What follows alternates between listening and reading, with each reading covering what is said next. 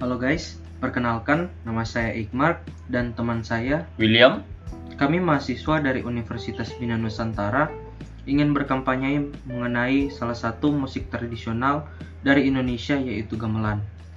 Tujuan podcast ini adalah untuk melestarikan kembali budaya asli Indonesia yang akhir-akhir ini mulai dilupakan oleh generasi muda di Indonesia akibat banyaknya budaya asing yang masuk ke Indonesia. Gamelan. Kita mulai dari definisi gamelan. Gamelan diambil dari kata gamel yang dari bahasa, yang dari bahasa Jawa yang berarti memukul atau menabuh, sedangkan akhirannya an berfungsi, berfungsi membentuk kata benda. Alat-alat gamelan didominasi material kayu dan gangsa. Gangsa itu adalah sejenis logam bercampuran timah dan tembaga. Instrumen lain yang ada pada saat memainkan musik gamelan adalah kendang, bonang, penerus, gender, gambang, suling, sitar, celempung, selentem, demung, dan saron. Selain itu ada gong, kenong, ketuk, japan, kempiang, kempul, dan peking.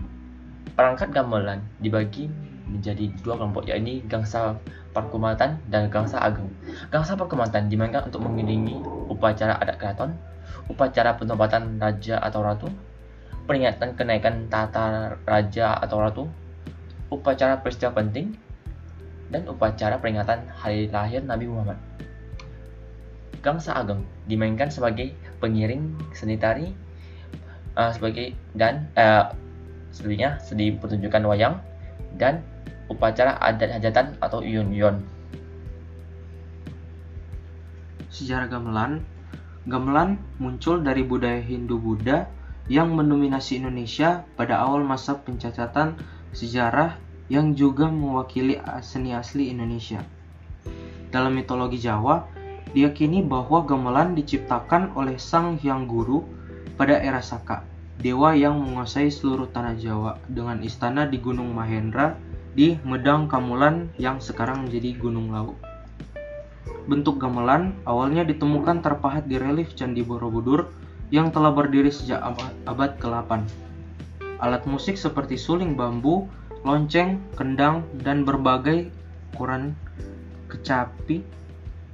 Alat musik berdawai yang digesek dan dipetik ditemukan dalam relief tersebut. Bagaimanapun, relief tentang alat musik tersebut dikatakan sebagai asal mula gamelan. Instrumen gamelan diperkenalkan menjadi bentuk seperangkat piranti musik lengkap dan berkembang di zaman kerajaan Majapahit dan menyebar ke berbagai daerah seperti Bali, Sunda, dan Lombok. Jenis-jenis gamelan itu yang di Nusantara ada satu gamelan Jawa, dua gamelan Bali, tiga gamelan Sunda, empat gamelan Banjar, lima gamelan Minang. Kenapa oh, gamelan disukai orang bule? Yang pertama, mereka memandangnya sebagai ilmu. Penyebaran gamelan di Amerika, Amerika Serikat ini biasa berbasis di universitas, di mana mereka adalah orang-orang yang sedang menuntut dan mempelajari ilmu. Oleh karena itulah, mereka memandang gamelan sebagai sebuah ilmu. Yang kedua, musik gamelan memberikan perasaan tenang, membawa kebersamaan dan rasa kekeluargaan. Pada Facebook Live BBC Indonesia, salah satu anggota Southbank Center London mereka mengatakan bahwa musik gamelan ini memberikan perasaan tenang, membawa kebersamaan dan rasa kekeluargaan. 3. Suara gamelan berbeda dari orkestra barat dan tak perlu latihan lama. Menurut Sophie Rensby, manajer gamelan Southbank Center, ia mengatakan bahwa suara gamelan sangat berbeda dengan orkestra barat, sangat harmonis dan indah.